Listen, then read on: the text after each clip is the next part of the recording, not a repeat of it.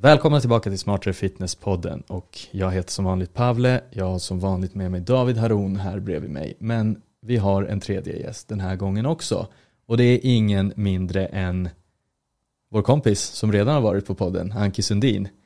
Eh, David, berätta, innan vi släpper in Anki här, berätta vad har dina touchpoints varit med Anki? Ja, alltså det började ju med, det har eskalerat lite tycker jag ändå. Det började med en reklaminspelning eh, för ett gym som vi spelade in eh, och där var det verkligen pang på, nu ska jag köra benpress med henne på och prata om saker. Om, eh, ja men exakt, eh, plantbaserad, plantbaserad, växtbaserad har jag lärt mig att man säger nu. Eh, kost. Och sen efter det så tänkte jag, men fan hon måste ju gästa podden. Hon är ju grym. Så pratade vi om just den grejen. Mm. Så att om ni inte har lyssnat på det avsnittet, lyssna på det. Det pratar vi om växtbaserad kosthållning, protein och allt vad det är. Idag ska vi prata om, du ska få fortsätta mm. berätta mm. om nästa mm. grej ni har gjort, men idag ska vi prata om fett. Ja, men varför? Exakt. Varför ska vi prata om fett och speciellt mättad fett? Eh, det är för att jag, hon är en av mina faktagranskare eh, i min bok Jag allt, så nu gör jag lite reklam för mig själv igen, köp den. Eh, köp den boken, för till och med Anki har faktagranskat skiten ur den. Och hon var den sista faktagranskaren eh, som eh, hoppade in. Eh, jag, det var faktiskt mitt fel, jag var väldigt sen. Jag var så här, hej kan du, typ nu.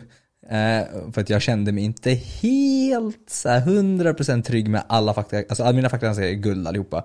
Men jag kände att så här, jag vill ha olika vinklar. En kille var utbildad biomedicin, eh, inriktning liksom, eh, sport science, den andra var dietist, den tredje var också dietist. Eh, och sen så, någon hade lite så här, psykologutbildning i, i grunden. Och sen så tänkte jag så här, men fan, jag vill ha någon som tänker på ett annat sätt. Eller som har en annan take på saker och ting och kanske inte eh, är lika i, i, i samma bubbla. Eh, och mm, det var ju inte mycket som Anki var tvungen att kolla över för att de andra faktagranskarna hade gjort jättestort jobb. Men det var en grej som var riktigt jobbig. Ett stycke som jag var tvungen att ändra om typ en vecka innan den skickas till tryck. Och det var om mättad fett. Eller inte ändra om utan nyansera ordentligt. Exakt, så därför har vi med oss Anki idag. Välkommen Anki till poddstudion. Tack så mycket. Eh, och vi ska snacka mättat fett och fett överlag, eller hur? Ja, gärna det. Yes, berätta nu lite om dig själv för folk kanske eller kanske inte har lyssnat på förra avsnittet och kanske vet vem du är eller så vet de inte. Så vem, vem är, du? Förutom... Ja, men precis. Anki Sundin lyssnar jag till då, heter väl Ann-Kristin egentligen. och eh, är nutritionist, så det är samma sak som näringsfysiolog. Så det betyder att man har en magisterexamen i näringslära från KI och SU. Och eh, eh, sen dess jag gick ut den utbildningen, då, det var ju på Dackefejden det här naturligtvis, så har jag ägnat mig åt att jobba mycket inom nutritionsfrågor i allmänhet naturligtvis, men också väldigt mycket inom idrottsnutritionsfrågor. Så jag har utbildat mycket och gjort mycket kurser åt eh, privata företag och sådär, men också jobbat mycket inom livsmedelsbranschen. Eh, och ehm, har sen ungefär, det, är drygt tio år sedan nu som jag tog en MBA, heter det, Master of Business and Administration från ehm, Stockholms handelshögskola. Och eh, det var där som jag kom i kontakt med eh, mycket utav de delarna som jag tyckte att vi saknade på nutritionsprogrammet, nämligen att ta hänsyn till ekonomin, eh, förstå vad ekonomin gör i ett bolag, förstå hur man kan använda ekonomin för att det ska bli liksom en hävstång till ens egen affärsidé eller affärsstrategi och också hur man kan räkna lite grann på, på hållbarhetsdelarna, hur man nu definierar hållbarhet. Och då tycker jag att det där som du sa, det sista, eh, med liksom ekonomin spelar roll. Och det kanske också får dig att tänka så här, men varför, varför säljer företag det de säljer? Att det finns alltid en kalkyl i grund och botten. Um, ja, och det ska du ju göra, hävdar jag. Alltså alla exakt. bolag lever ju för att de tjänar pengar. Det är ingenting som är fult med att tjäna pengar. Ett livsmedelsbolag tjänar pengar för att folk vill äta deras produkter. Och då ska de ju ha betalt för det, för att kunna fortsätta att leva och kunna fortsätta att utveckla sin affär och så vidare. Så att det behöver inte vara dåligt. Utan där tror jag att många har en, en uppfattning som inte rimmar med min riktigt. Det vill säga att det ska vara en sorts ideologi bakom bakom ens affärsidé som gör att det är fult att tjäna pengar på det. Man växer ju inte då. Om man inte tjänar Jo, något. man kanske kan växa med bidrag och liksom sådana saker. Men, Ja. men jag förstår vart du kommer ifrån och jag, jag håller med dig till 110%. Ja men eller hur. Alltså, inget alla- fult. Nej det är verkligen inget fult. Snarare tvärtom. Det är väldigt, väldigt bra att tjäna pengar. För det betyder att man kan fortsätta att göra bra saker. Det är och det med återinvestera och göra det bättre ja. och bättre och bättre. Men jag, min poäng var lite mer det här, okej men du har liksom billigare saker, du har dyrare saker Mm. och det är så här, saker kostar och folk som står där och väljer mellan, jag ska inte nämna några kanske märken, men man står och väljer där och bara, ah, men varför är den här så mycket dyrare? Mm. Jävla tjuvar. Fast har du kollat innehållsförteckningen och råvarorna? Och, Mm. Precis, och mervärdena. Jag tror Exakt. att den biten är jätte, jätteviktig. Inte bara det som ligger i paketet, utan om man blickar tillbaka i, i värde och intressentkedjan. Vad Ja. är det man bidrar med, med eh, det köpet eller vad är det man inte bidrar till Exakt. i det köpet. Och det kan vara viktigt för många att veta om den typen av värden och eh, vet man om mervärdena så tror jag också att det kan få en produkt att framstå i en lite kanske annan dager än bara jämföra pris och kanske näringsinnehåll eller vad det nu månde vara. Men nice. Som man nu hör i alla fall på Anki så är hon extremt inne i det här. Eh, Livsmedelsbranschen. livsmedelsbranschen och har grund i, för er som inte vet så är skillnaden på nutritionist, eh, nutritionist i andra länder kan ju vara nutritionist och det kan ju vara dietist i andra länder. Ja, eller kostrådgivare kan det betyda också. Ja, Ja, det är en väldigt eh, förvirrande eh, liksom, begrepp. Ja, verkligen. Mm, men i Sverige så är nutritionist extremt djup utbildning. Du är kemist Du, du är snarare kemist skulle jag säga. Alltså du har väl läst typ kemi i två år? Ja, ett och ett halvt år på den utbildningen som jag gick då, med- när programmet var utformat så, det var kemi. Eh, och det var nog den, den bästa tror jag, grunden som vi kunde ha fått. För Ja. att det gör också att man förstår biokemi, man förstår eh, det här med enzymer, man förstår... Det är lite det kom- djupare. Ja, precis. Ja, men doktor Mat. Mycket djupare skulle jag vilja säga. Doktor i mat. Ja, det- det var lite, publist, eh, lite så här, eh, populistiskt uttryck. Men, men, eh, nå, men- något åt det hållet kanske. Ja men i Mellanöstern så är det så här, om du är doktor så är det så, är det så här, doktor är bra. Det spelar ingen roll definitionen, det är bara, ja men det kan vara liksom eh, doktor biceps. Ja, men Liksom, eller hur, doktor. Men Doktor eh, då, då jag tror jag poäng, poängen som David vill få fram det är att så här, har man pluggat så pass mycket kemi då fattar man ju på en molekylär nivå vad som händer och det är just därför det är väldigt mycket mer intressant att prata med dig och få dina perspektiv än kanske bara en dietists Dietister perspektiv. jobbar väl mycket med samhälle och människor kopplat till mat. Jag, jag tror att de ändå lär sig på molekylär nivå men ja, inte det lika gör de i många allra högsta år. grad har jag förstått det som. Inte, inte, Inte lika, lika många djupt, år, inte lika många, alltså jag, jag, jag tänker mig att du kanske inte har en bachelor i kemi, men du har nästan det. Kan jag tycka. Ja, precis. Och sen så får man ju också skilja mellan om man nu vill bena upp oss i våra respektive yrkeskategorier, vilket ju vi gärna vill göra i, inom Skrona, men, men utifrån sett så är det, har vi ganska många likheter och det har vi kanske, men, men en, en dietist är ju verkligen, verkligen insatt i det här med klinisk nutrition, det som de kallar för dietetik, alltså hur man ska äta vid vissa sjukdomar och så. Och vi har, jag tror det är fem futtiga liksom, poäng enligt det gamla systemet räknat då, eh, sju och ett halvt tror jag motsvarar i dagsläget ungefär, där vi får en förståelse för, i alla fall den, den utbildningsomgången jag gick då, där man får en förståelse för, okej men hur samverkar kosten med vissa specifika sjukdomar som är ändå ganska eh, viktiga att förstå i samhället idag när vi pratar om övervikt och fetma, vi pratar diabetes typ 2, vi pratar stroke, och- alltså de här stora ja. folksjukdomarna liksom.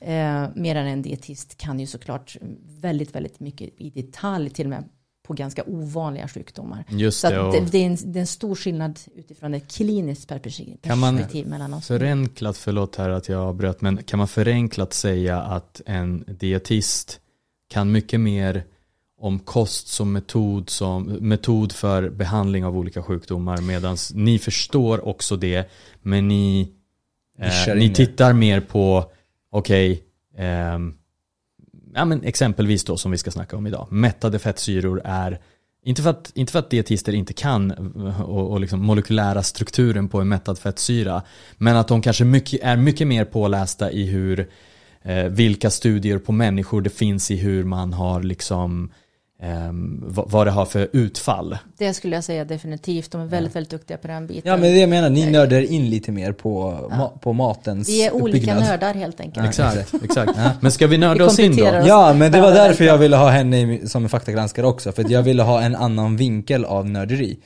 Yes, så, så, låt oss nörda. Mättade fettsyror ska vi snacka om idag, eller fett kanske generellt. Men vi börjar med att, för, alltså så här, många slänger sig med det där, ja ah, men det är mycket mättat fett i det här, ja ah, men fan det är dåligt. Ja och det är ju nu väldigt så här uh, skrivet, väldigt uh, svart och vitt.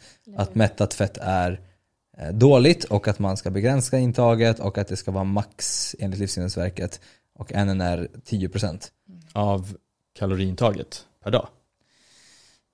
Och det blir väldigt onyanserat, man pratar på det sättet. Ja. Eh, och det är väl det vi ska komma in det på. Det tänker jag också, mm. men låt oss börja prata om, låt, låt oss bara definiera mättade fettsyror, mm. vad är det? Och kanske framförallt så här, okej, okay, vad är det om man jämför med omättade, fleromättade och hela det köret. Så mm. kanske en liksom snabb crash course på några minuter om det går. Ja, jag ska, jag ska, verkligen försöka här så får ni guida mig om ni tycker att jag spretar lite grann här nu. Men, men en fettsyra det är ju en ganska lång kolkedja. Det kan vara kortare, den kan vara längre, det kan vara väldigt lång eh, kolkedja. Och eh, mellan de här kolen så finns det ett antal bindningar. I, i en mättad fettsyras fall så finns det bara enkelbindningar. Däremot i en, i en, eh, en, eh, i en mättad fettsyra så finns det bara enkelbindningar. Sen så finns det ju omättade fettsyror, då har de en eller flera stycken dubbelbindningar.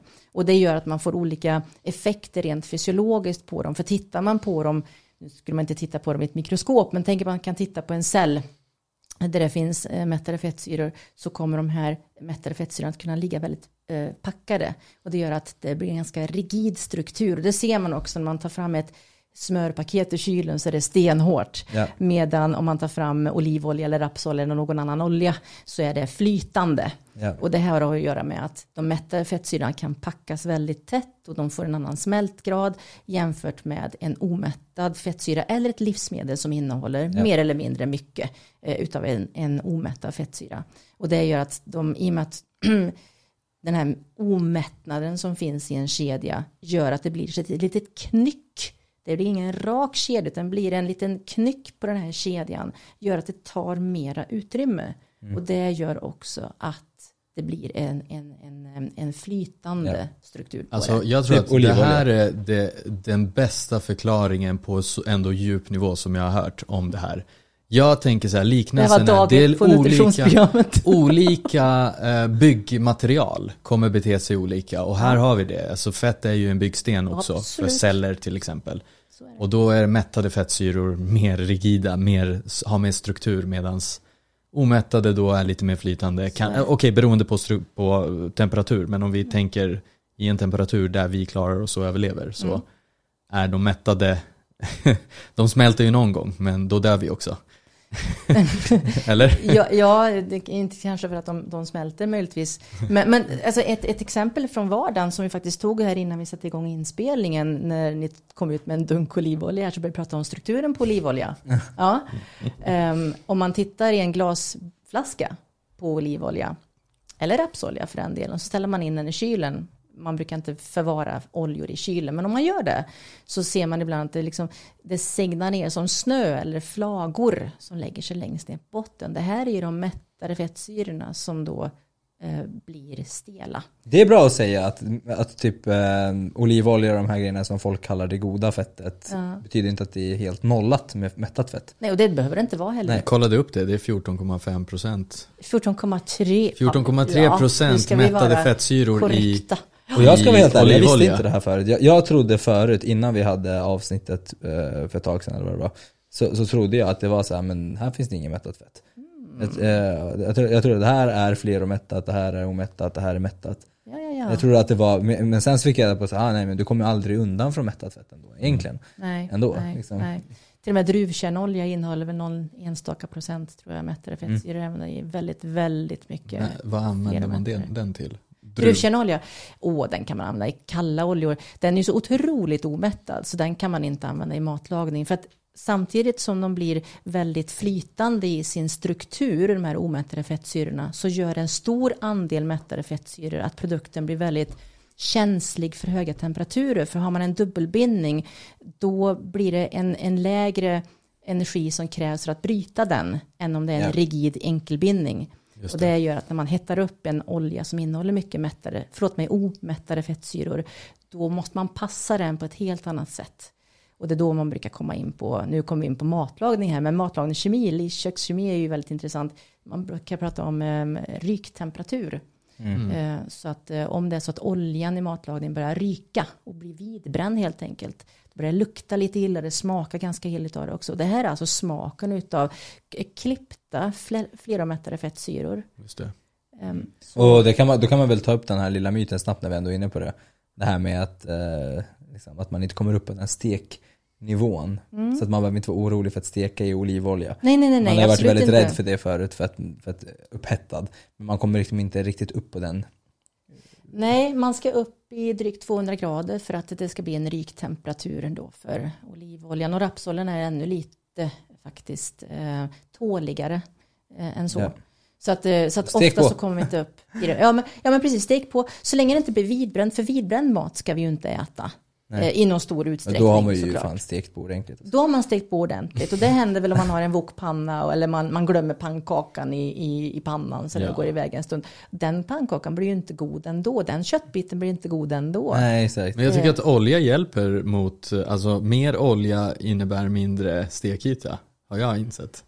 Ja, jag är ingen absolut. kock ska jag ändå säga då. Jo, men det, självklart är det för att du, du minskar ju kontaktytan med Exakt. pannan. Exakt. Så. När vi ändå är inne på det här, jag spårar helt. Hemkunskap blev det. Så såg jag faktiskt någonting på SVT, det var mm. någon jävel där som snackade om att man ska inte grilla hamburgare. Just det. Man ska steka hamburgare för att behålla saftigheten. För om du grillar hamburgare så droppar det ner. Ja, jag såg och, och, och det blir inte, såg, såg du det ja, inslaget? Jag såg just den. Mm. Ja, lite så här. Men har du sett om du är inne på en hamburgerrestaurang, då det är, är det en stek, en, en stekyta, det är inte... Ja, och svenska folk blev rätt kränkta där och han, han var såhär, ja, ja, ja, ska grilla. Men, men så ät dina osaftiga hamburgare och det blir så här, och sen så ryker det upp och sen så smakar Man gör som man vill. Ja, jag. men eh, stek era hamburgare. Exakt. Grilla inte dem. Men bra. Eller grilla om du tycker om det. Ja, jag var ja. Men hur som helst. Så yes, låt oss uh, prata var, om... Vi kan, vi kan säga så bara. Jag, jag, tänker, jag tänker att det är en uh, enkel övergång att säga så här. Men varför har mättat fett fått uh, ett väldigt dåligt rykte?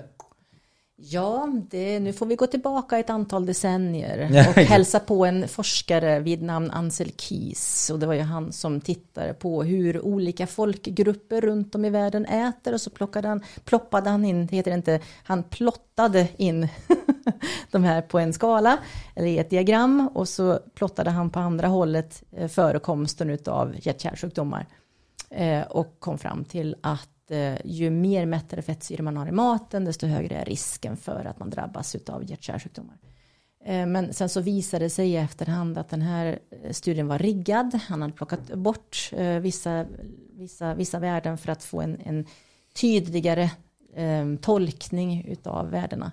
Han gillar inte mättat fett. Nej, av någon anledning. Ja. Och det här är egentligen i, liksom, i ert liksom, vetenskapliga community vedertaget att den här studien är inte bra. Ja, det skulle jag säga. Ja, ja, ja, absolut. Men sen så ska man ju inte sticka under stol med att det har ju kommit andra studier efteråt också där man faktiskt ser en, en, en, en, en välstuderad eller en, en väl, um, vad ska man säga? Designad studie. Designad studie, ja. exakt. Där man får en koppling mellan intag av mättade fettsyror och en högre risk för ohälsa. Mm. Men det är där som vi kommer in på det som jag försöker att prata mycket om, där jag får tillfället att skilja mellan olika typer av mättade fettsyror plus skilja mellan olika typer av livsmedel och även ta i beräkning vilken kost vilket kostmönster ja. vi pratar om. Jag, jag, tänker så här, det finns ju även mer saker bara så att man bara stacklar lite puckar. Jag vet att någonting som har varit väldigt hett på sista tiden har ju varit det här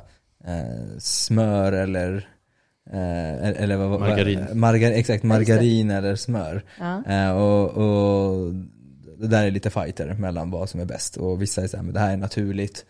Eh, och då, liksom, det är två ingredienser, eller vad det är, grädde och du vet. Ja. Och, och, de andra är såhär, det här är kemikalier. Och sen så har många liksom eh, bemött de här påståendena genom att säga, ja men man ser i många studier att när man byter ut smör mot margarin att hälsan är bättre. Mm. Um, är det här också en sån grej du skulle säga? Alltså vi ska ju inte överkonsumera smör. Det, vi mm. vet ju det från, från undersökningar som har gjorts hittills och förmodligen kommande också. Eh, det var ju till och med så att eh, Arla sponsrade en smörstudie för några år sedan som faktiskt kom fram till att vi ska inte äta för mycket smör för hälsans skull.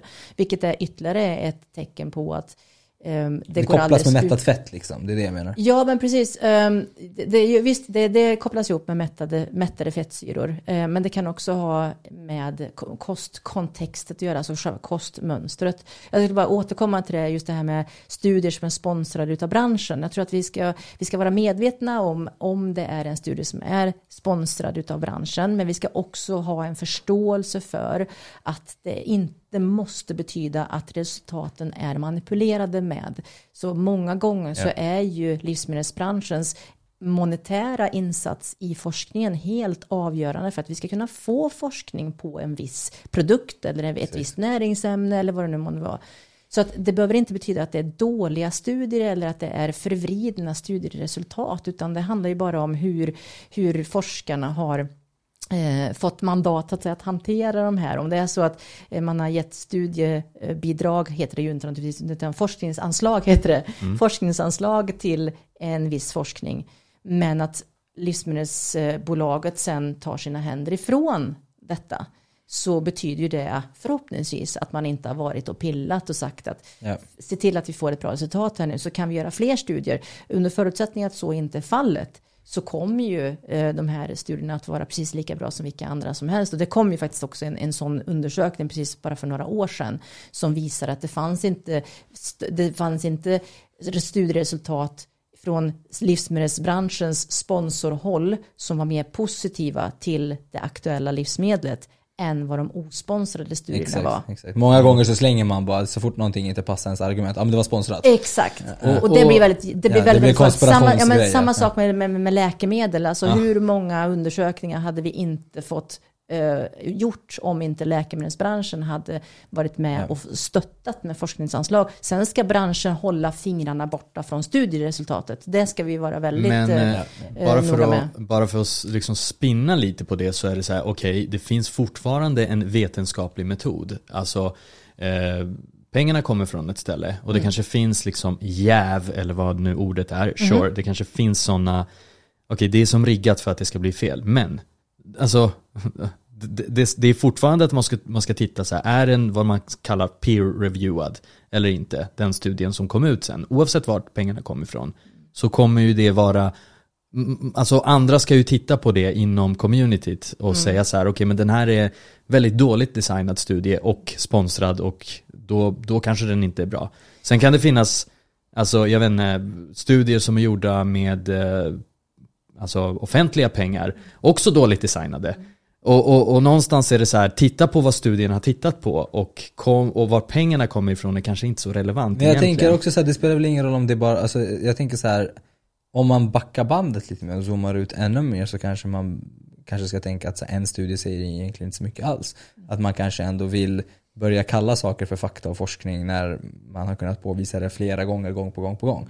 Eh, och, då, och då blir ju sannolikheten mm. mindre att det är jättemanipulerat om det är men jag, många jag menar studier. bara, jag är inte forskare och jag sa det jag sa precis bara för att liksom lyfta det som egentligen en fråga. Borde mm. inte det vara så att oavsett om pengarna kommer från ett ställe så finns det ändå en, en, en ett sätt att göra det på? Jo, absolut. Det finns absolut sätt att göra det på så att, så att inte man ska behöva ha livsmedelsbranschen eller vilka det nu är som sponsrar så att säga i samma rum som forskarna så att de eh, påverkar varandra eller framförallt då från branschens håll att man påverkar studieresultatet på något sätt. Så det är naturligtvis så. Sen så bara en mycket, mycket kort kommentar kring det här med peer reviewed. Alltså det är ju någonting som vi tidigare har satt väldigt stor tilltro till för att mm. det ska vara forsk andra forskare i området som, som tänker till och som, som har åsikter om ja. resultatet. Men man börjar kanske diskutera om det är helt om, om det är ett vattentätt system trots allt mm. eh, av olika skäl. Så att jag bara vill bara lägga in det som en, en, ja, en, en, en inflikning här. Men så att återigen då, det finns väldigt mycket studier på mättade fettsyror och på livsmedel som innehåller mättade fettsyror och på kostmönster som innehåller mättade fettsyror och livsmedel som innehåller mättade fettsyror. Och den stora majoriteten av forskning idag gör gällande att vi bör vara noga med att stratifiera, det vill säga dela upp olika grupper av livsmedel och även kanske grupper av mättade fettsyror innan vi drar en slutsats. För låt säga nu att du har ett kostmönster där du äter och så hittar jag nu på. Mycket kött säger vi eh, och så äter vi inte så mycket grönsaker och så äter vi mycket fet mat i övrigt som gör att vi kanske inte får en, en, en bra balans i energiintaget så att man då ökar sitt, sin kroppsväv på ett ohälsosamt sätt.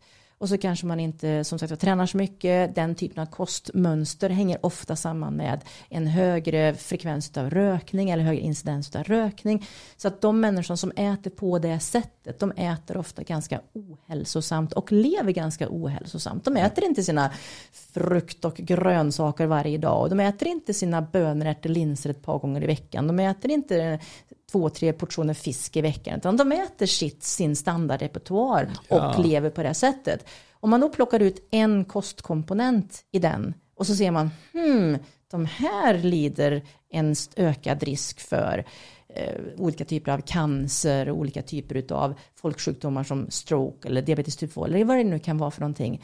Då får man ju en skev bild av vad som är kopplad till vad. Och det är det som är utmaningen med de så kallade epidemiologiska studierna, alltså en befolkningsundersökning. Ja. Vi har 10 000 personer som svarar på en enkät, eller 100 000 som svarar på en enkät.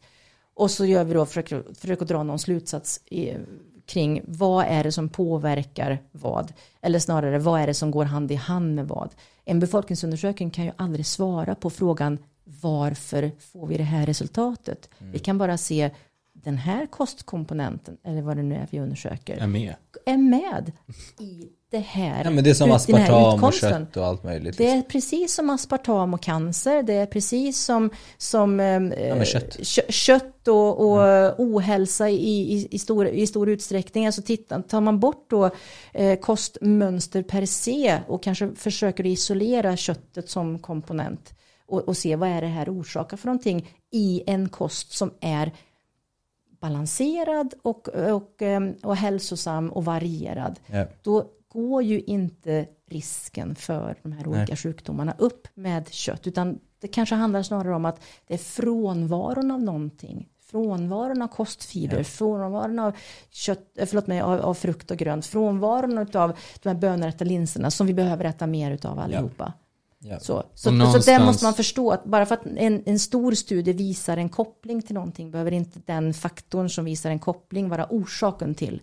Och det är grundläggande förståelse för vetenskapsmetodik. Och har man inte den grundläggande vetenskapsmetodiksförståelsen då är man väldigt illa ute när man ska försöka tolka en studie. Men tyvärr så är det så att många gånger så möts vi av att man har förväxlat orsak med med, med eh, en så koppling, man ja. blandar mm. ihop så kallad korrelation och kausalitet. Ja. Och då matas vi av de här löpsedlarna. Åh, du dör i cancer om du äter ja, det är som allt, ja. Mm. Eller hur? Ja, och, och jag tycker det här är intressant för att det var, det, jag vet att jag någon gång utan att kolla upp det här efterhand frågade, tror till och med en dietist, eh, det här var länge sedan, okej okay, men mättad fett, för jag vet att det var någon som sa det här, nej men mättad fett är inte dåligt.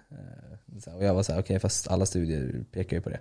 Liksom på ett eller annat sätt. Uh, och, och, jag var så här, ja, jag, inte, jag håller trots allt mig ändå mestadels inom nischen inom liksom Muskelproteinsyntes. Exakt, mm. träning, kost och helhet och livet. Det är bara NPS som räknas här, muskelproteinsyntetis. Jajamän. så, så jag håller ändå på med det mest så att jag har inte, en, jag har inte alltid i världen sitta och bara, ja men hur ser folkhälsan ut med den här fettsyran? Liksom. Alltså, jag går väl in på det men jag behöver fatta mer som typ när jag skrev den här boken. Men då, då, vet jag att jag ändå frågade en dietist, så men du, kausalitet och orsak grejen och, och, och Gäller det även för metabolt hälsosamma människor? För det var den, ja. och, och, och, den personen sa, ja ah, men vi har sett att blodfetter ändå påverkas negativt av mättat fett även bland metabolt hälsosamma människor. Och, och jag, utan att kolla upp det här, men det, det, det gjorde det väldigt intressant. Men samtidigt senare, när den här kötthysterin höll på med, eh, när eh, veganerna var ute och härjade om kött och kolla och all, all association med ohälsa och cancer, så såg man ju sen att när man filtrerade att de senare studierna med kött, ja, men det verkar inte vara någon fara med kött om äter hälsosamt i övrigt. Eh, man har väl fortfarande frågetecken kring chark liksom. Men, men eh, och, och, det får man också tänka på, så här, ja men hur brukar man äta om man håller på med chark? Mm. så, här, det, det, det, så, så där blir hypotesen väldigt enkel ändå. Så här, chark och livsstil brukar oftast... Det är ölkorv och öl. Ja exakt. Det, det är så här, det, för mig är det så här hur, hur mycket chark och eh, sallad äter du ihop? Mm. ja, men, men skitsamma. Och då blir jag bara så här, okej okay, men kött är ju mestadels mättat fett. Kött är väl mestadels vatten. Och protein. och protein. Ja men om du tänker typ en... Men fettet men jag i kött. på fettet. Ja, ja, ja. ja, ja, ja, ja det beror förlåt, verkligen alltså, på jag... vilket köttslag vi pratar om. Ja, Lamm och får är ju väldigt rikt på mättade fettsyror medan gris har faktiskt har ganska mycket mätt, omättade fettsyror. Ja och jag tänker typ så här, nu vet jag inte om jag är super biased till min steak. Ja. Liksom, jag gillar, jag gillar AG. Ja. Jag gillar en, eh, en entrecote, en ribeye, en tomahawk. Jag tänker så här, fett, exakt jag menar inte att fettet, att köttet innehåller annat. Jag menar fettet i köttet är ju mestadels mättat fett. Och tittar man då på kött och en hälsosam livsstil så verkar inte kött ha så stor risk. Och då blir jag bara så här, men det är ju mycket mättat fett mm, precis. i kött. Ja, två saker. Först som kommentar till till det här med att eh, kött har en negativ effekt på hälsan. Eh, det finns en stor, stor databas. Och nu kommer vi in på lite djupare eh, saker som den som är intresserad av detaljer kommer tycka är härligt. Annars så får man spola fram tio minuter kanske, vad vet jag.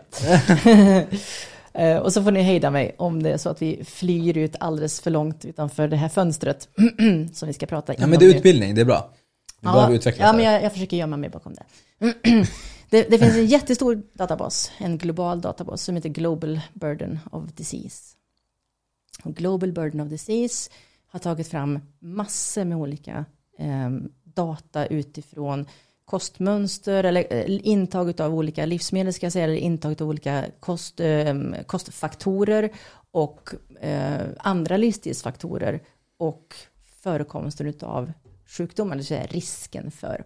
Så att utifrån den stora, stora databasen så kan man se, okej, okay, hur stor risk är att drabbas av en viss sjukdom om man äter mer än så här av ett visst livsmedel eller motsvarande.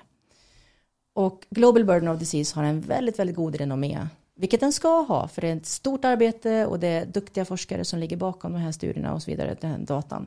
Problemet är bara att när det gäller just kött och ohälsa så har man på felaktiga grunder satt att risken för att drabbas av de här sjukdomarna som vi nu ser um, liksom diskuteras i samband med köttkonsumtion. och med den här aspartamgrejen, köttet låg ju högre upp eh, i deras eh, skala.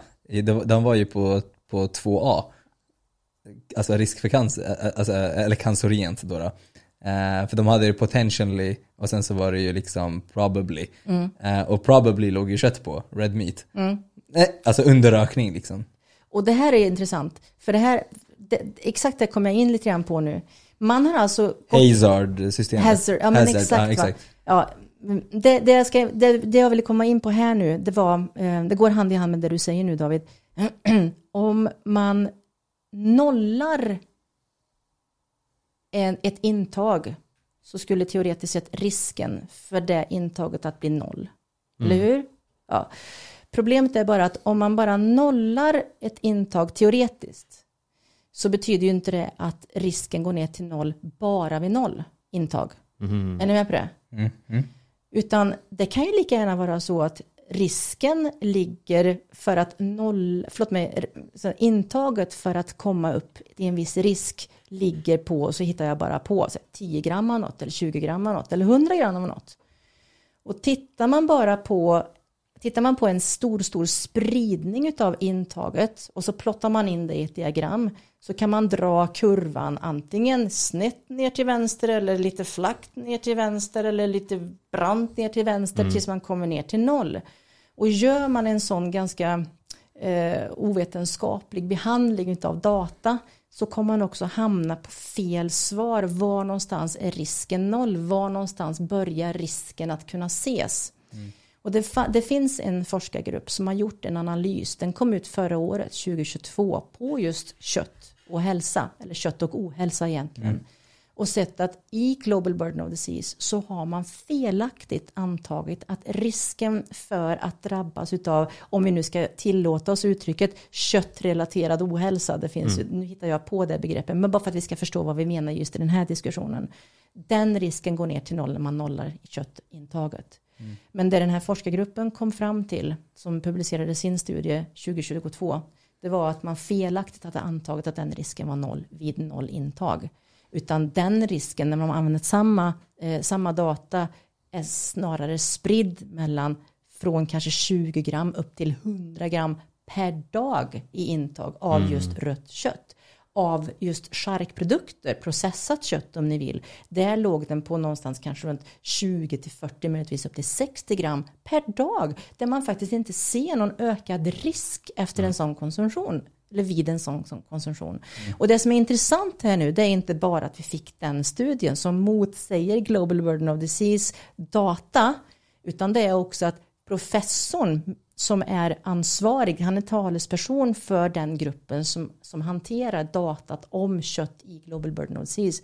Han säger själv efter den här studien, ja, den här, det här antagandet är felaktigt i Global Burden of Disease. Har man ändrat det? Nej. Det är fortfarande 2019 års data man använder i Global Burden of Disease. Vilket är också det som man använt inom processen NNR, Nordiska näringsrekommendationer, och man använder den överallt annat. För Global Burden of Disease har en väldigt god renommé. Ja, och, och den är inne nu i den där Hazard. Hazard. Exakt. Hazard, Hazard, ja. hur uttalar man Hazard. Hazard, ja den är fortfarande mm. med där också i 2A.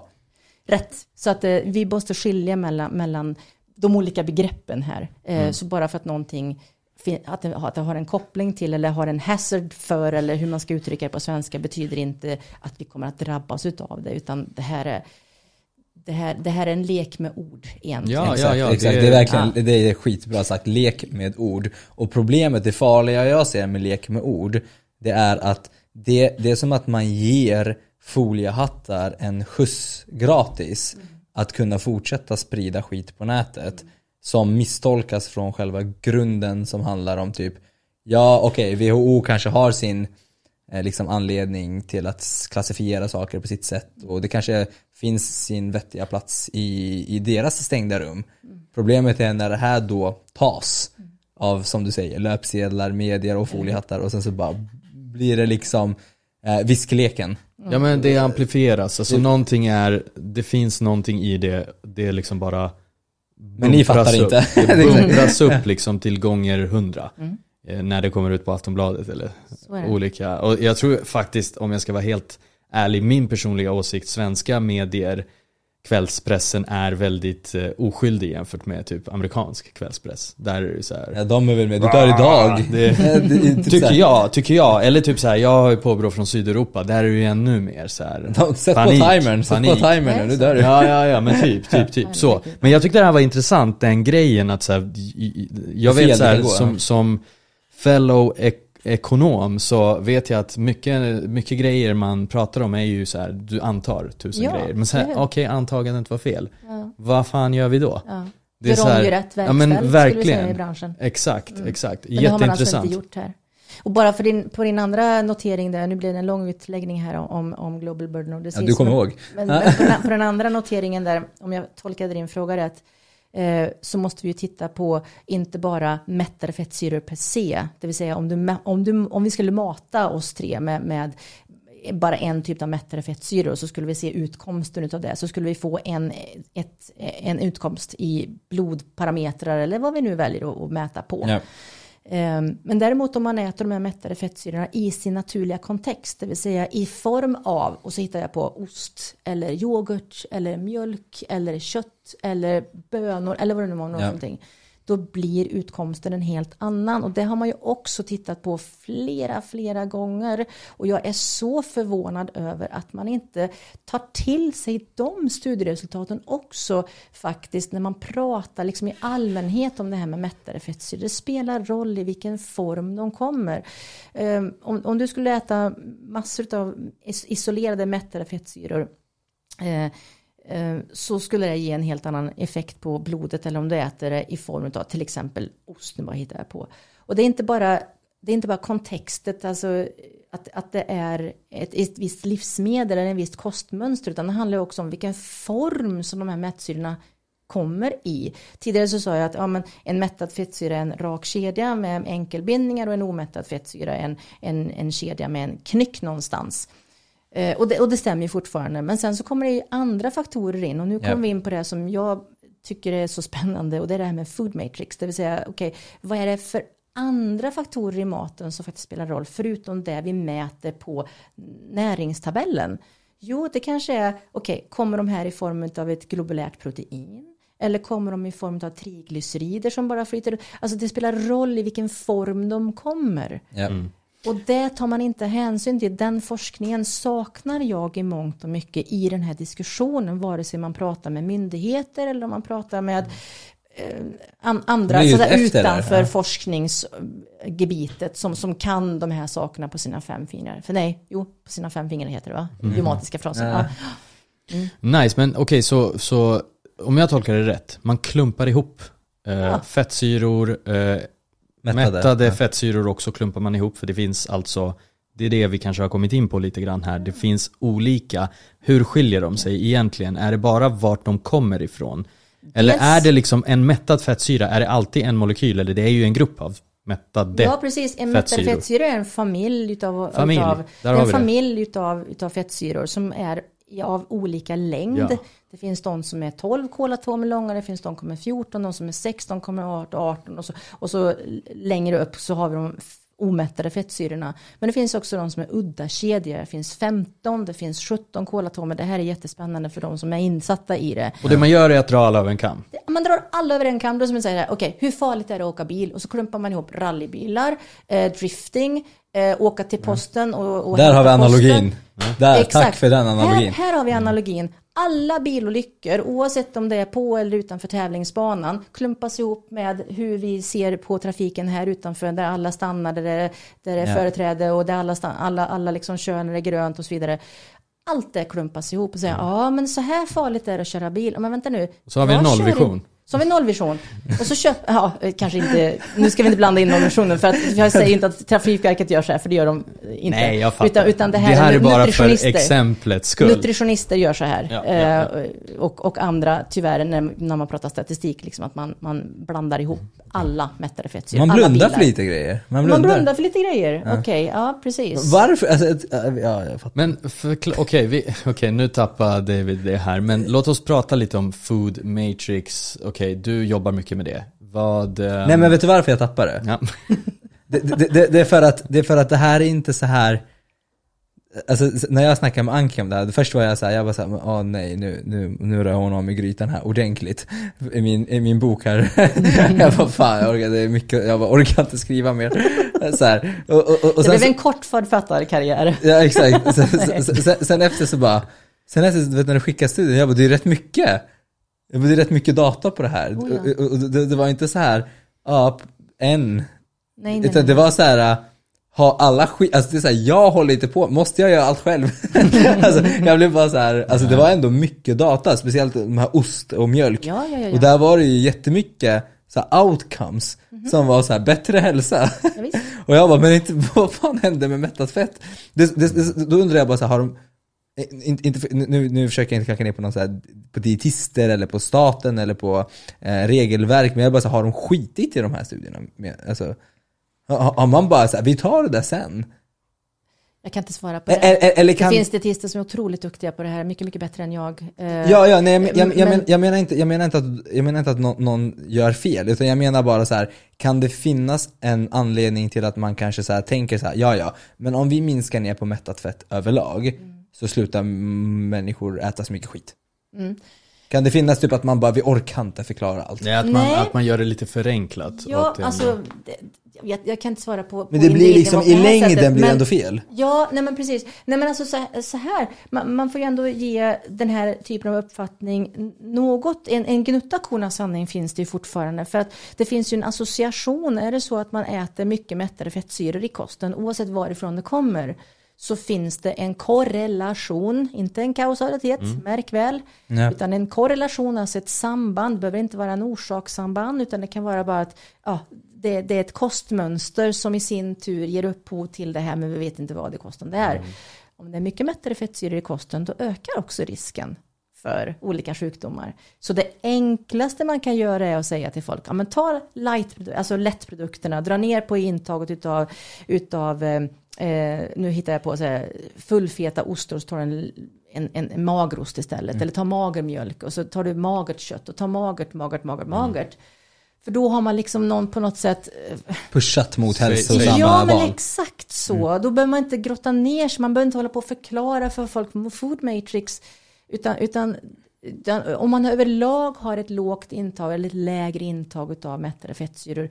Då har man, förmod, mig, då har man förmodligen ett bättre intag ja. av kost i övrigt. Ja, så att man har ja, mera vitaminer och mineraler. Men problemet är, att, problemet är att sådana som vill lära sig mm och det kanske inte är synd om sådana som mig, för att vi har ett större problem i samhället kanske. Men problemet är ju den att jag personligen börjar ju dra ner på onödiga saker ja. och börjar till och med sprida den informationen. Så jag har ju spridit den informationen flera gånger så här, men välj lätt så att du kan lägga till mandlar istället för, det, för vi vill inte äta mättat fett. Mm. Och, och, och då är det så här, så kan det vara i vissa kontexter, men kanske inte i yoghurten. Nej. Som jag och har, inte i osten. Ja, och så att en av mina analogier Exakt, ost. exakt. Så en av mina analogier som jag har spridit mycket på sociala medier har ju varit väldigt mycket så här, men ta, ta 0,2% fett. Men det har ju inte varit i form av att du ska spara kalorier. Hade det varit i den kontexten så hade jag kunnat köpa mitt egna argument. Exakt, då är det men, en helt annan sak. Ja, men jag har ju sagt det för att, för att inte för att skrämma upp, utan för att genuint försöka hjälpa folk till att äta mindre mättat fett. För att mättat fett är dåligt. Mm. mm. Och lägg till mandlar. Mm. Eh, jag har ju haft den analogin i boken också, så tog jag bort den. Bara, fuck, this, fuck this shit då. så här, vill du ha mättat fett från det så kanske inte det är någon fara. Eh, liksom. Men jag blir bara så här. Jag, jag, jag, jag brottas lite med, ska man liksom anta att folk är dumma? och bara ge dem enkla förenklade svar så att det blir bra? Eller ska man försöka få folk att förstå? För det är det jag vill, jag vill ju förstå. Och då kanske jag börjar prata på ett annorlunda sätt som får dem att, förstå kanske ändå. Utan att behöva skrämma upp. För, nu, för då blir det ju skrämsel. För, för då blir det ju att folk blir rädda för ost. Jag tror att det är rätt sätt att inte försöka skrämma upp och att försöka lära. Men det jag tror att man måste förstå att många inte, de flesta är inte lika intresserade som du. Och då kanske det ska finnas, vi hade den här diskussionen tror jag här i dagarna, så att man, vi ändå kanske, till exempel i den här podden, hur mycket ska man fördumma? Hur mycket ska man safea inom citationstecken och ge typ sann info fast inte om man tittar det lite djupare och lite mer granulärt på att så här, okej okay, men du kan äta mättat fett kanske till och med en, mer än du trodde, fast inte från alla källor kanske. Jag tror att det är en kombo där, för att jag tror att vissa kommer vara superintresserade och tycka att den här utläggningen som vi har här är superintressant, men jag tror att, jag tror tyvärr, eller det kanske inte är tyvärr, utan det kanske bara är så, att folk kommer bara säga, gud vad tråkigt att ni pratar så mycket om det här, så djupgående. Jag orkar inte, jag vill bara veta vad jag ska äta. Ja, nej, jag tror att jag är triggad, jag tror att jag är triggad för jag har ju sagt till Matilda hemma så här, men fan lugna dig nu med Mättat fett. Med, med osten. för det är mättat fett. Så, så, så, min, min åsikt lite grann, utan att, eh, jag är ingen beteendevetare, jag är ingen beteendevetare men jag skulle nog ändå våga gissa att så här, jag tror att det finns människor, människor är olika. Vissa kommer lyssna, andra kommer inte lyssna. Ja, men jo men är det inte bara bättre att säga ät grönsaker då? Ät mer frukt då? jo, precis. Varför ska man börja jiddra om mättade fettet då? I just yoghurten och i det här? Ja, jag håller lite grann med där. Ja, är, är det inte bättre att säga ät mer grönt, ät Och det gör frukt. vi ju också. Alltså, alla kostråd går ju ut på att vi ska äta mera frukt och grönt, vi ska äta mera uh, växtrikt. ja, och då är det löst ändå tänker jag. Men och då Anki, är det löst ändå. Exakt. Helt rätt. Ja. En fråga till dig. Ja. Vad är procentfetthalten uh, på din yoghurt hemma? Eh, den varierar. 67? Ja men precis. Nej, nu har ju vi en halvgrek hemma så att det blir ju oftast ah. grekisk yoghurt. Då är det ju lite högre fettkvalitet eller fetthalt i den yoghurten um, såklart. Men ja, vi väljer ju fullfeta produkter hemma. Inte bara av energiskäl för att vi behöver den extra energin som det ger trots allt. Utan för att vi inte är rädda för mättade fettsyror överhuvudtaget. Mm.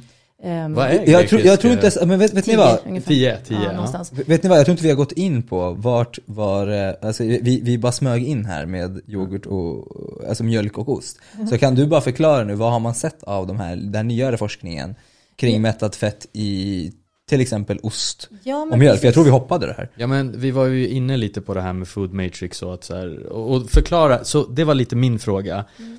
Säg bara, definiera, vad är food matrix? För det låter som en uh, matrix-film. Eller hur? Och sen kanske vi kan gå in på lite uh, olika råvaror. Ja, men gärna det. Som yes. man har sett saker på. Ja, men precis. Och vad du har i din kyl. vad, vad är de tre grejerna du har i din kyl? ja.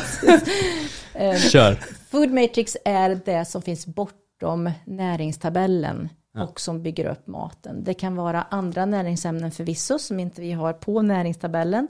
Eh, men det kan också vara andra ämnen som finns runt om som antingen samverkar med varandra eller som motverkar varandra när det gäller upptag till exempel.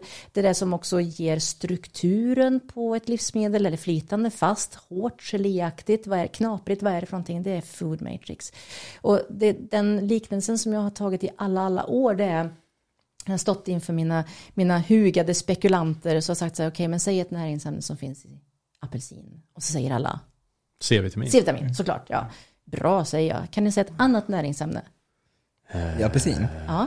Fibrer. Fibrer. Bra Pavle. Jävlar, det är en... Jag var såhär, jag, jag bara, är det? Är det... Jättebra. Kan ni säga ett tredje näringsämne? Nej, jag kan säga H2O, det är inte näring, men det är jo, ändå... Jo, per definition är vatten Det är näring. näring, du ser. Ja, det är näring.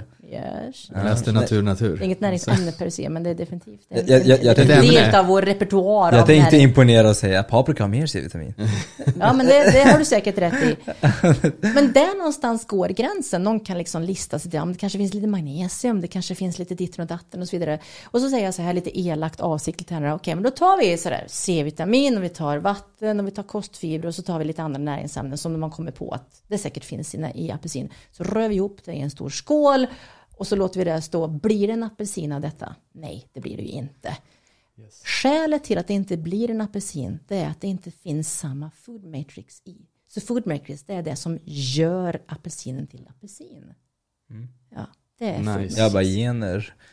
Det, det, det, ja, det, är liksom en, en, en kombo, en struktur. Du kan ja. inte bygga en apelsin. Nej, det alltså... kan du inte göra. Inte med dagens teknik i alla fall. Nej, nej, nej. Du kan, Så man kan ju börja bygga kött. Ja, ja men det är fortfarande... Men, och, och, du, nu kommer du in på något galet spännande. är det samma food matrix i labbkött ja. som det är i stallat kött eller kött som har gått slaktat. ut, på att säga. Ja, men slaktat kött. Ja. Alltså från, från en, en ko eller en gris eller det här. Är det samma food matrix? Förmodligen inte. Ja, jag vet inte. Ja. Men det måste ju undersökas jävligt i alla intressant, fall. Jävligt Otroligt intressant. intressant. Ja, mm. Cool. Uh, då går vi in på lite eh, ja, men yoghurt eller liksom råvaror ja, och sådär. Sure. För där är lite kanske eh, någonstans det går inte att prata om, eller så här, varför ska vi prata om råvaror? Just i kontexten Food Matrix. Just. Finns det sådana som råvaror som är så här, okej okay, men det här är aldrig smart. Eller det här är alltid smart att äta. Det kanske är väldigt definitiva svar, men, eller, eller frågor. Eh, eller frågor som kräver definitiva svar. Men kan man diskutera lite så här, okej okay, men det har visat sig att eh, de här som äter den här kulturen som äter väldigt mycket av den här råvaran, det har kanske det kanske korrelerar med någonting, eh, ohälsa eller what not. Jag vet inte. Jag är otroligt allergisk mot att prata om olika kulturer och kostmönster. För att i kulturer så är det mer än kostmönster. Det är ju en hel livsstil Exakt. och det finns en mm. genetik som också påverkar på olika sätt. Så det här med att man jämför med ja, olika zoner hit och dit och man på den här lilla avlägsna Stilla havsön där äter man minsann det här och det här och titta här så bra de mår, de levde ju som 150 år Men jag menar inte så, jag menar inte så, jag menar typ så här äh, det finns kanske, ja men västerländsk kultur har ju mycket mer kanske snabbmat. Eller så har de inte. Alltså jag, jag bara så här, mm. säger saker som är så här, ja ah, men det här är väl allmänt vedertaget. Men mm. jag vet inte, är det verkligen det? Mm. Jag skulle vilja gå så långt att jag, jag kanske är lite provokativ nu då mot eh, Kör. både kollegor och andra inom kostprofessionen, men jag Bra. står för det. Jag, jag, jag gillar det här, jag älskar det. Jag gillar det, rör om här.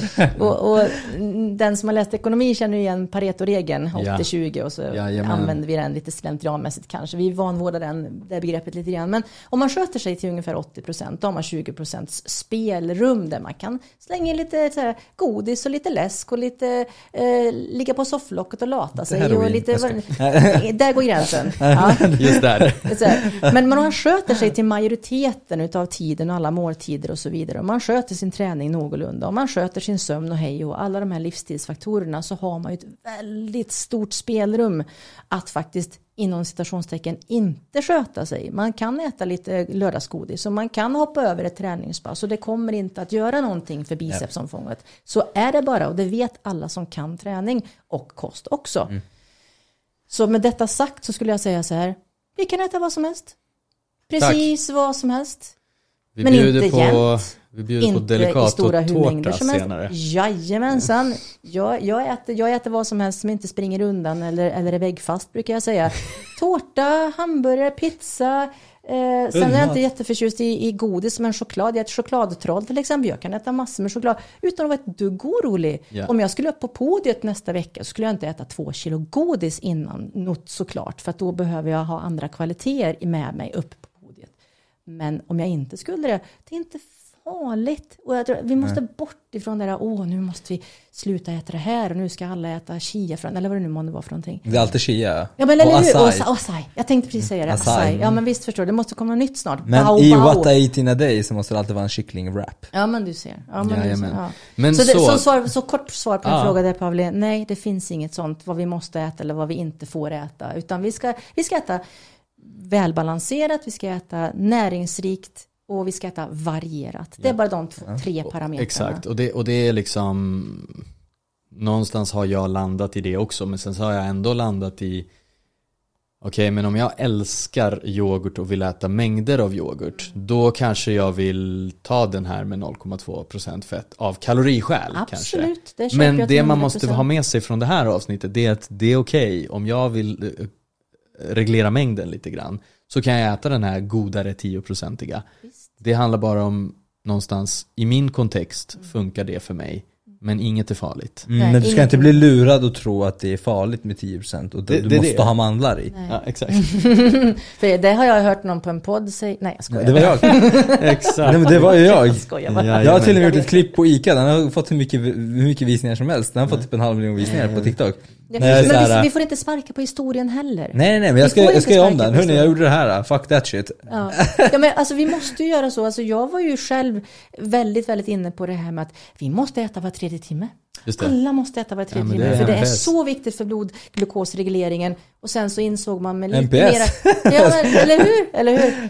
Sen så inser vi efter ett tag att nej men vänta nu, det finns lite forskning nygjord på detta som innebär att man inte alls måste äta var tredje vaken timme. Nej. Det går alldeles utmärkt att köra vi pratar om periodisk fasta vid tillfälle eller vad man nu vill kalla sin kostföring. Så länge man når sitt behov av energi och sitt behov av näring så kan man välja tidpunkt, man kan välja frekvens, man kan välja innehåll. Precis mm. utifrån tycke och smak. Exakt, och det här, är, det, här, det, här, det, här, exakt, det här tycker jag är jätteintressant. För att många gånger när man gör sådana här mm, informativa liksom, rants på allting, då kan många människor tänka så här men shit, fan vad jobbigt det här är, fan vad jobbigt det här Men om man faktiskt lyssnar och sätter sig in i vad vi säger mm. Så är det ju faktiskt helt tvärtom Vi tar ju egentligen ifrån 99% av alla regler mm. Som man måste och inte måste göra och bara säger så här, det här är det viktiga, gör vad du vill med det mm. Exakt du, Ät hur du vill ja. Det är snarare mer att tänka, alltså jag tror att man har liksom flippat på det, att man tror att det är enkelt att följa en simpel regim men det är det kanske det är kortsiktigt men inte i längden. Men om man bara sätter sig in i det här lite jobbiga så inser man till slut att så här, det är faktiskt mer avslappnande. Du ja. behöver inte bry dig om tider, Nej. du behöver inte bry dig om när eller hur. Det är så avångestladdande. Exakt, det blir snarare avslappnande. Ja. Eh, och samma sak som att om man bara Åh, hur ska jag äta kolhydrater? Mm. Det är så här, till och med det, ja alltså protein och kalorier är det viktigaste. Sen ät fett och kolhydrater hur du vill. Mm. Egentligen är ju det mindre press ja, ja, ja. på sig än att behöva tänka på exakta ratios mellan Definitivt. fett och kolhydrater. Mm. Alltså det är ju mer flexibelt. Enligt mig. Det, ja. det, blir, men för att komma dit kanske man behöver fatta lite. Mm. Och, och man annat. måste ha de här Dumbos fjäder. Jag brukar likna de här diskussionerna vid Dumbos fjäder. Ni kommer ihåg den här lilla mm. elefantungen Dumbo. Så hade han jättestora öron och han snubblade runt på dem och alla gjorde narr av honom. Tills en råtta insåg att det där kan vi ju kapitalisera på för att använda ett modernt uttryck. Ja, så han ja. satte sig i hatten och så gav han Dumbo en fjäder och så sa han det här är en magisk fjäder. Ni kommer ihåg den här sen barnsben allihopa. Och han flög och flög och hej och och sen så rätt vad det var så tappade han ju den här fjädern varpå han också tappade självkänslan fullständigt och stört dök mot marken. Och råttan var ju tvungen att skrika åt honom. Det var inte fjädern som är magisk. Flaxa med öronen bara. Det var du som gjorde det här. Och till slut, då, precis innan han dök ner i, i marken så förstod han ju att det här är ju jag som gör detta. Det var ingen magi. Exakt. Det är samma sak här. Alltså, vi måste inte följa en speciell regim. Vill du köra 16, 8 eller vad 17 det blir, men gör det då. Eller 24 och kalla dig för warrior. Ja men gör det då. Eller kalla Warrior. dig för vad det nu är för någonting. Ja. Eller, eller då, men det här är Dumbos fjädrar. Alla de här kostregimerna som folk har hittat på och tjänat jättemycket pengar på. Nu kommer vi in på det vi var inne på. Det här med, är det, är det dåligt att tjäna pengar på sitt företag? Ibland. Om du, om Kanske. du vilseleder Om man vilseleder, där tycker jag att jag drar min gräns i alla fall. Alla de här kostregimerna, det är en bunt med Dumbos fjädrar. Ta en om du vill, men flyg för egen maskin. Ja, gör vad du vill. Ja, verkligen. Men, men det här är ju skitbra. Men vad har man sett nu då kring liksom mättat fett och positiv hälsa i vissa avseenden? Ja men alltså då är det ju kostmönstret och kanske då nere på livsmedelsnivå vi ser det. Just att vissa livsmedel som vi då tidigare har sagt att vi ska ta magra varianter av. Kanske man inte alls behöver ta magra varianter av ur ett hälsoperspektiv. Och där är ju ost återigen ett klockrent exempel. Och nu inser jag att vi glömde faktiskt att göra en sak i början på det här avsnittet. Som vi gjorde förra avsnittet. Då var jag jättenoga med det och sen så förlade jag det till, till de bakre regionerna i hjärnan inför det här. Och det är att vi måste ta vårt jävs, eller mitt jävsförhållande. Eh, så att alla känner sig trygga med detta. Jag jobbar ju med mjölk och mjölkprodukter till vardags. Eh, så att det ska man ha med sig. Så jag är jävig. Men jag Ankis försöker. webbshop. Ja, precis. Jag Köp- försöker vara så objektiv jag kan. Ja, men precis. Eh, Ankis ost. Vi har en länk i profilen. Ja. Men bara de goda och bra mättade fettsyrorna. ja, men exakt. Jajamän. Eh, Ny affärsidé. Och så, bara kolla studien här. bara bra, bara bra mättade fettsyror. Men, men det som jag säger nu eh, skulle jag faktiskt säga även om inte jag jobbade med mjölk och mjölkprodukter. Ja. Varenda dag. Ja, men det är bra att du säger det. Jag tycker det är jättebra, du visar ju egentligen bara på att så här, äh, om, om någon försökte så har du redan försökt på dig själv. Ja, men det blir lite så. Så, att- så att ost är ett sånt där typ, eh, typiskt livsmedel som är så tacksamt att forska på för att det ger så otroligt intressanta studieresultat. Plocka ut mättade fettsyror och så ger de dem isolerat till en grupp och så tar vi osten i sig och så äter vi dem som, som ostskivor på vad det nu kan vara för någonting. Med eller utan bröd beroende på hur man väljer att lägga upp studien. Eh, och där ser man att det blir ingen ökad, inga, inga, inget tecken på, på, på eh, vet det, insulinresistens till exempel. Och det blir inte eh, några, några blodparametrar som, som ger så att säga en, en, en, eh, en, eh, en profil av eller ett, en, utkomst av att det skulle bli dåligt för, för hälsan. Så att de studierna måste vi börja ta hänsyn till någonstans. exakt, nu, För det exakt. finns så många. Det finns metastudier, det finns kliniska studier, eh, det finns till och med eh, det finns till och med epidemiologiska studier och så vidare. Även om man inte kan ta några orsakssambandsslutsatser eh, slutsatser från dem. Då. Men det kan man ju från metastudier och man kan det från enskilda kliniska Ja men det är det jag menade när jag sa det innan att så här, då- det du skickade till mig var lite så här, "Ah, måste jag göra det här själv? Måste jag, måste- ska jag som PT och bränna fett, bygga muskler, känsla i det hela behöva ta upp den här grejen? Vad fan gör ni där borta liksom? alltså det blir liksom så ska jag behöva ta den här pucken? Eh, men ja, ja, jag avgränsade mig rätt fint där. Men, men, men jag menar bara så här då, då att eh, Eh, jag har en fråga om eh, just ostbiten. Hur, hur eh, så, såklart, det är som allt annat. Jag vet att svaret kommer vara ja men överdriv inte som allt annat. Men eh, jag tänker på sodiumintaget. Natrium. Ja, eh, förlåt, exakt. N- Natriumintaget av eh, mycket ost. För, för det första jag tänkte på var så här Hörni allihopa, nu skålar vi och käkar fetaost. Eh, och, och, och, och det är så här, jag har ju, jag är ändå liksom, ja det är väl samma med dig Pavle, men det, Mellanöstern har ju liksom, du vet, en måltid är ju ibland en vattenmelon och en dunke fetaost. Yes. Det har jag förstått sen senast. Ja, Jag har inte testat det sen dess men jag ska göra det. Alltså ni som inte har testat, fetaost och vattenmelon kombon. Och, och det är inte liksom, ja jag tog lite ost på kanten av min tallrik, utan det är ju den här. Den här stora, Klyftan. stora från Zeta. så, så här kniven och, en, och, en, och två, tre vattenmeloner liksom, sitter man där, så är det fest. Eh, såklart, det är överdrifter, jag överdriver nu, men ehm, ja, natrium. Mm, mm. Eh, natrium är blodtryckshöjande hos de som är benägna att utveckla högt blodtryck. Mm. Det här är inte kontroversiellt att hävda, utan det här vet vi. Har man en tendens till, eller en genetisk också förutsättning att utveckla högt blodtryck, då är man också betjänt av att minska på sitt saltintag, det vill säga natriumintaget. Ja, ja. Och det här är ju någonting som man brukar kalla för saltkänslighet. Tyvärr så gör man ju inte de här testerna på folk. Direkt om de kliver innanför dörren på en vårdcentral så sätter man ju inte en nål i dem och kollar ifall de är saltkänsliga. Utan det här är någonting som man gör på klinisk nivå för att man vill veta mer om saltkänslighet. Hur skiljer vi oss ifrån ja. varandra med avseende på generna och så vidare. Och så vidare.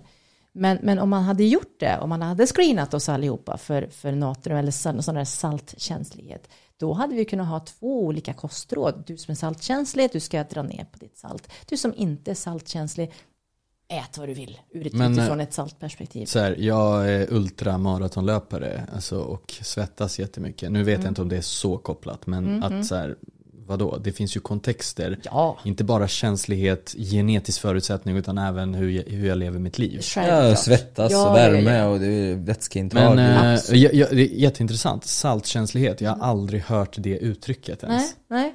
Ett till poddavsnitt. Ja. ja, precis. Så att, så att Vi bokar det, in det direkt efter, så natrium. Så, så utifrån det så skulle jag säga, har du högt blodtryck då ska du inte äta för mycket salt. Så är det bara. Då Nej, kan det vara vettigt att följa kostråden ja. och, mm. och, så. Har man inte för högt blodtryck, Nej, men då, då är det förmodligen inte så att man är saltkänslig. Och sen så kan man ju kolla också bakåt i tiden, generationerna. Men far och farfar och mor, morfar och så vidare. Ja, men precis finns det högt blodtryck i släkten då kanske man kan misstänka att man själv har en viss saltkänslighet möjligtvis och så kan man vara lite försiktig om man nu är orolig för den mm. biten. Mm. Men har man en, en, frisk släkt bakåt så att säga, mm. då är man sannolikt inte saltkänslig heller.